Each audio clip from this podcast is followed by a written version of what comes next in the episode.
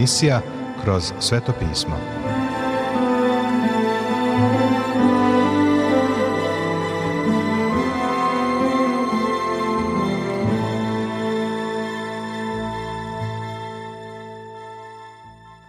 Dobroveče, poštovani slušaoci i dobrodošli u još jednu emisiju programa Kroz sveto pismo, programa koji je za vas napisao Vernon McGee, a pročitao Branko Bjelajac. Želimo vam prijetno i blagoslovljeno slušanje.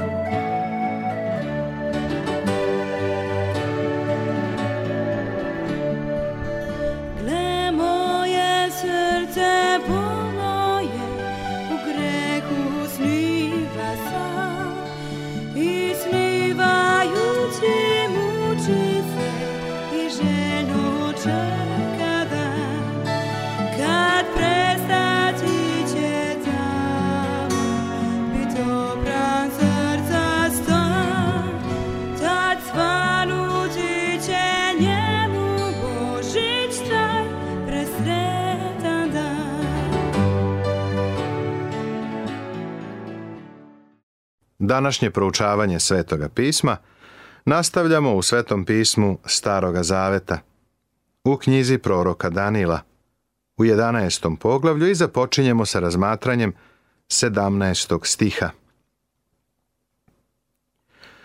Potom će okrenuti da dođe sa silom svega carstva svog, ali će se pogoditi s njim i daće mu kćer za ženu da bi ga upropastio – ali se ona neće držati niti će biti s njim.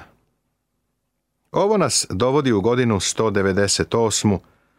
ili 195. pre Hrista, kada je Antioh Veliki sklopio ugovor sa Egiptom i dao kćer Kleopatru za ženu Ptolomeju Epifanesu. Potom će se okrenuti na ostrva i osvojit će mnoga ali će jedan vojvoda prekinuti sramotu koju čini i oborit će nanj sramotu njegovu. Potom će se okrenuti ka gradovima svoje zemlje i spotaknut se i pašće i neće se više naći. I na njegovo će mesto nastati oni koji će poslati nastojnika u slavi carskoj. Ali će za malo dana poginuti bez gneva i bez boja. Potom će se okrenuti na ostrva. Ovo se odnosi na Grčku i Grčka ostrva. Odavde je Antioh Veliki kretao u pohode, ne samo protiv Ptolomeja Ptolomejevića na jug, nego i protiv Lismahusa na zapad. Jedan vojvoda odnosi se na drugu lozu, na Rim koji je počeo da se uzdiže i kreće ka istoku. E, vidiš, Rim je tražio porez od Sirije. Rimljani su verovatno bili najbolji oporezivači i sakupljači poreza u svetu. Sve dok savremena Amerika nije usavršila sistem. Američki sistem sakupljanja poreza je osramotio čak i Rim. Kako je Rim počeo da se uzdiže, počeo je da gradi ogromno carstvo kroz sakupljanje poreza od ljudi koje je porobljavao. Kada su Sirijci počeli da padaju pred Rimom, mnogi istorijski podaci su zabeleženi. Antioh Epifanes identifikovan Sada se upoznajemo sa jednom zlom osobom, sa Antiohom Epifanesom, sirijskim carem koga je u istoriji lako prepoznati. On je onaj mali rog koji se već ispunio dok smo proučavali šesto poglavlje. A na njegovo će mesto doći neznatan čovek, kome nije namenjena čast carska, ali će doći mirno i osvojit će carstvo laskanjem. Ovo proroštvo se odnosi na cara iz loze Seleukida, na Antioha Epifanesa. Najfundamentalniji tumači svetoga pisma ovaj deo smatraju direktnom referencom na ovog čoveka. Ovo proroštvo se uklapa u istoriju Antioha Epifanesa, kao što se ruka uklapa u rukavicu. Istovremeno, on je slika Antihrista – prikaz čoveka greha koji će tek doći. Karijere obojice su upadljivo slične. Antioh Epifanes je stupio na tron godine 175. pre Hrista. Nazvan je zlim zbog oholosti. Na tron je došao sa programom za mir. Antihrist će zavladati na isti način. U veliku nevolju će zakoračiti sa tri i po godine mira, pa će ljudi na svetu misliti da ulaze u godišnje carstvo, a u stvari će ulaziti u veliku nevolju. Antioh je bio prevarant i laskaroš. Prijatelju, čuvaj se takvih ljudi. Možeš ih naći čak i u službi Bogu. Oni su više štete naneli crkvi nego išta drugo. Nisu nam potrebni ljudi koji će varati i ulagivati se narodu radi sobstvene koristi. Potrebni su nam pošteni, ispravni ljudi koji će stati za propovedaonicu i reći onako kako jeste. Nažalost njih je sve manje ali ih na sreću još uvek ima. I mišice koje plave on će poplaviti i polomiti, pa i kneza s kojim je učinio veru, jer udruživši se s njim učinit će prevaru i došavši nad vlada će s malo naroda. I doći će mirno u rodna mesta u zemlji i učinit će šta ni očevi njegovi ni očevi otaca njegovih ne učiniše – razdelit će im plen i grabež i blago i smišljat će misli na gradove za neko vreme. Knez s kojim je učinio veru Ovo je verovatno prvosvešteni Konijas treći, koji je bio svrgnut i ubijen u ovo vreme i to varljivim izmišljotinama Antioha, koji je došao na vlast. Potom će podignuti silu svoju i srce svoje na cara južnog sa velikom vojskom. I car će južni doći u boj s velikom i vrlo silnom vojskom, ali neće odoleti, jer će mu se činiti nevera. I koji jedu hleb njegov satrće ga. Vojska će njegova poplaviti i mnogi će pasti pobijeni i srce će obojice careva raditi o zlu. I za jednim će stolom lagati, ali se neće izvršiti, jer će kraj još biti u određeno vreme. I tako će se vratiti u svoju zemlju sa velikim blagom. I srce će se njegovo obratiti na sveti zavet i kad izvrši, vratit će se u svoju zemlju. Ovi stihovi opisuju kampanju Antioha i njegovu pobedu nad egipatskim carem, što mu je donelo mnogo blaga i prestiža. Za jednim će stolom lagati. Ovo se odnosi na to da je bio nepopravljivi lažov. Ovo nam također pokazuje činjenicu da je to bilo vrlo slično današnjim konferencijskim okupljanjima oko stolova. Kada se narodi okupljaju i sklapaju ugovore, koji su samo beznačajni komad papira. U određeno će vreme opet doći na jug.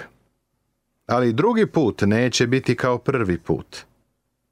Jer će doći nanj lađe kitejske i on će se ojaditi te će se vratiti i razljutit će se na sveti zavet i izvršit će. I vrativši se, složit će se sa onima koji ostavljaju sveti zavet. Antioh je sproveo drugi pohod na Egipat, ali nije bio uspešan radi rimske mornarice. To su one lađe kitejske. Prekršio je ugovor sa Izraelom, ali vidiš da su neki Izraelci izdali svoj narod. Vrativši se, složit će se sa onima koji ostavljaju sveti zavet.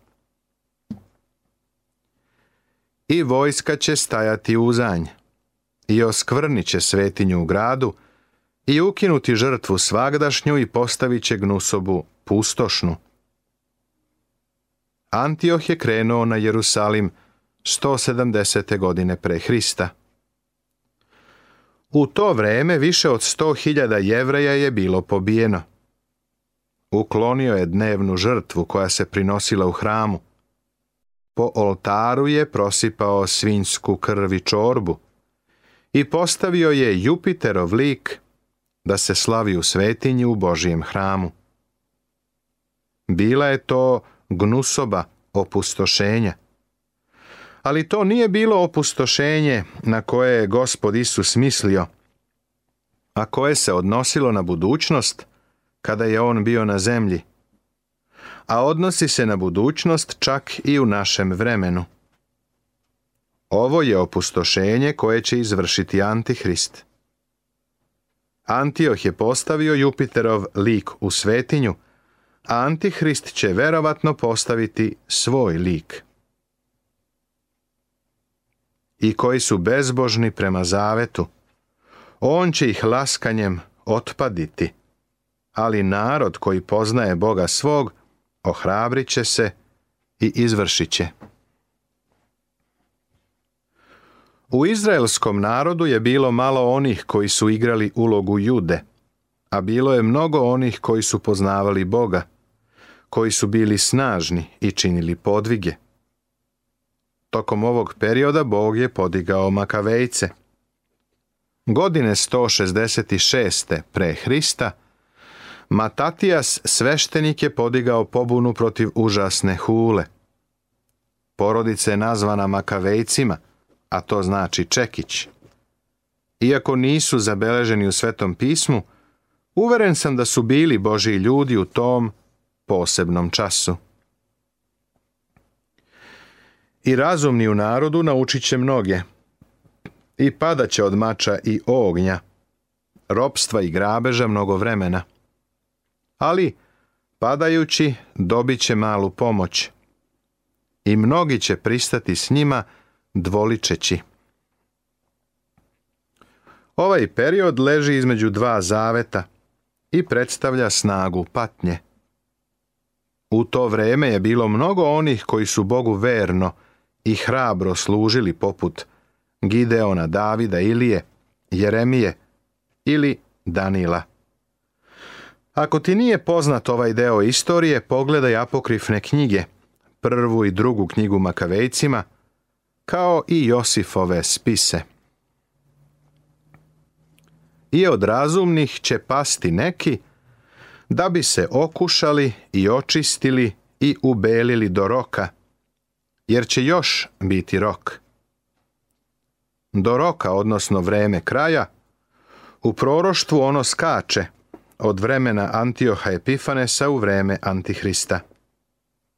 Sada se premeštamo iz istorije toga doba u vreme koje je smešteno u budućnosti. Kada je Danilo dao ovo proroštvo, sve to je bila budućnost. Sada je deo toga već istorija, a drugi deo budućnost. Neznatni i samovoljni čovek greha. I taj će car činiti šta hoće, i podignuće se i uzvisit će se iznad svakog boga. I čudno će govoriti na boga nad bogovima i bit će srećan dokle se ne svrši gnev jer će se izvršiti šta je određeno. U ovom trenutku istorija se završava, a budućnost počinje. Tekst prelazi sa zlog čoveka na zlobni, poročni karakter, prelazeći preko mosta nemerljivog vremena. Antio Epifanes je bio podlac, ali nije mogao da se meri sa carem, opisanim u stihovima od 36 do 39. Antioh je bio skica Antihrista. Verujem da ovaj deo Svetog pisma ukazuje na to da će se Antihrist pojaviti na geografskom području drevnog grčkog carstva. Antihrist koji se spominja ovdje bit će politička ličnost, neznabožac koji će se pojaviti iz rimskog carstva postojaće i religiozni antihrist koji će se pretvarati da je Hristos i koji će poteći iz Izraela. On će biti kao vuk u jagnjičoj koži. U Svetom pismu je Antihristu dato mnogo imena. Dwight Pentecost u svojoj knjizi Ono što će doći daje spisak imena koje je sakupio s Arturom Pinkom, a koja se odnose na Antihrista krvopija i lukavi, psalam 5. i 6. stih, bezbožni, psalam 10. od 2. do 4. stiha, čovek sa zemlje, psalam 10. i 18. stih, silni, psalam 52. 1. stih, neprijatelj, psalam 55. 3. stih, nasilnik, psalam 74. od 8. do 10. stiha, zatim Nasledstvo naroda, psalam 111. šesti stih. Zli, psalam 140. prvi stih. Asirac, knjiga proroka Isaije, deseto poglavlje od petog do 12. stiha. Car Vavilonski Isaija 14. poglavlje, drugi stih. Zvezda Jutarnja Isaija 14. poglavlje, 12. stih nasilnik, Isaija 16. poglavlje 4. i 5. stih, knjiga proroka Jeremije 6. poglavlje 26. stih. Pa onda klin, Isaija 22. poglavlje 25. stih. Strašna grana, mali rog, Danilo 7. poglavlje 8. stih. Vojvoda, Danilo 9. poglavlje 26. stih neznatan čovek. Danilo 11. poglavlje 21. stih. Car koji će činiti šta hoće. Danilo 11. poglavlje 36. stih. Pastir nikakvi. Knjiga proroka Zaharije 11. poglavlje 16. i 17. stih. Čovek greha. Druga poslanica Solunjanima, drugo poglavlje, treći stih. U istom stihu i sin pogibli. Bezakonik u osmom stihu druge poslanice su lunjenima drugog poglavlja. Antihrist, prva poslanica Jovanova, drugo poglavlje, 22. stih. Anđeo bezdana, otkrivenje, deveto poglavlje, 11. stih. Zver, otkrivenje, 11. poglavlje, 7. stih i 13. poglavlje, 1. stih. Ovome može da se doda i sljedeće. Onaj koji dolazi u svoje ime. Evanđelje po Jovanu, peto poglavlje, 43. stih. Car bestidan i lukav. Knjiga proroka Danila, osmo poglavlje, 23. stih. Gnusoba opustošenja. Evanđelje po Mateju, 24. poglavlje, 15. stih. I konačno onaj koji pustoši, Knjiga proroka Danila 9. poglavlje 27. stih. Sve su ovo imena za Antihrista, koja su mu data u Svetom pismu. I taj će car činiti šta hoće. Antihrist je samovoljan. U kakvo je to samo suprotnosti sa gospodom Isusom Hristom, koji je rekao ja ne mogu da činim ništa sam od sebe. Kako slušam, sudim. I moj sud je pravedan, jer ne tražim svoje volje, nego volju onoga koji me je poslao, kaže Evanđelje po Jovanu peto poglavlje, 30. stih. Podignuće se mali rog. Ime dato Antihristu u sedmom poglavlju.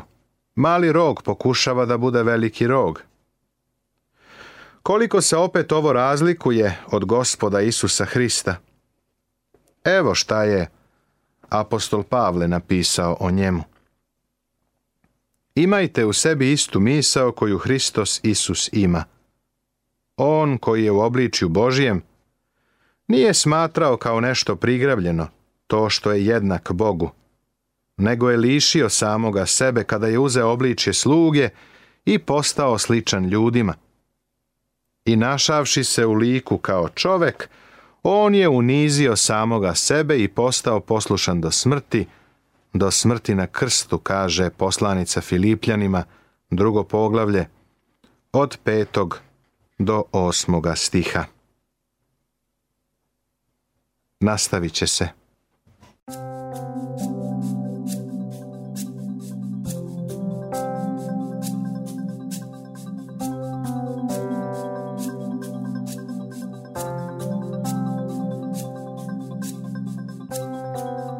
nešto najlepše na svetu Ja imam u tebi I zato tražim reči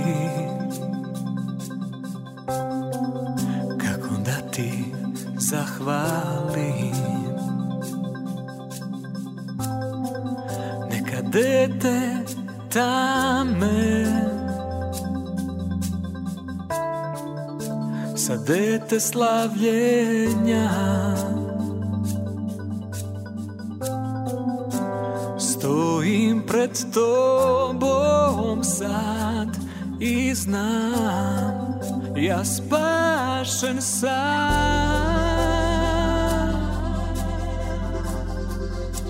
Suze niz lice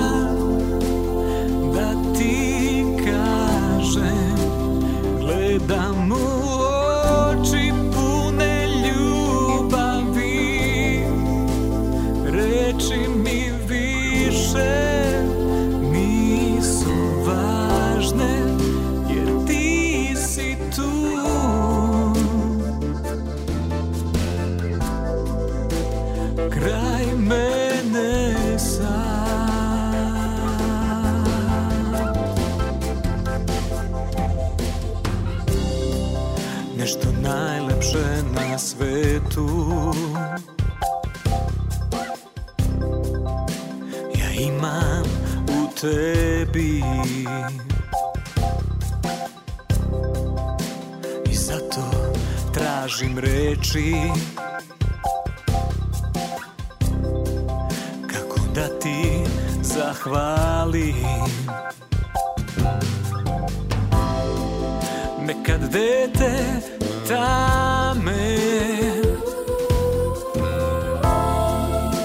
Sa dete slavljenja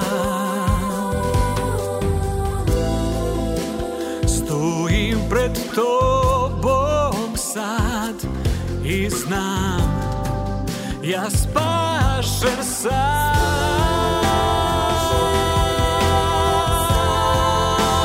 Suze niz lice teku mi Ne znam šta da ti kažem Gledam u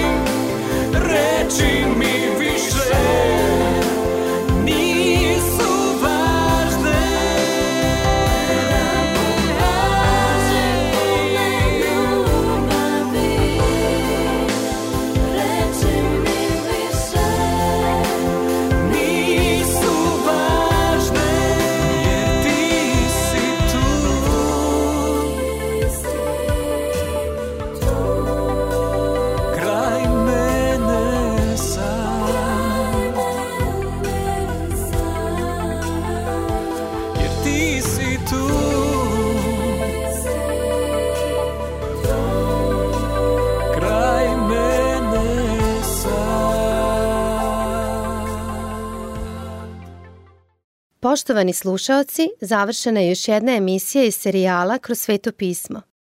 Ovaj program možete da slušate svakog radnog dana na talasnoj dužini od 1548 kHz u vremenu od 22 sata do 22 sata i 30 minuta.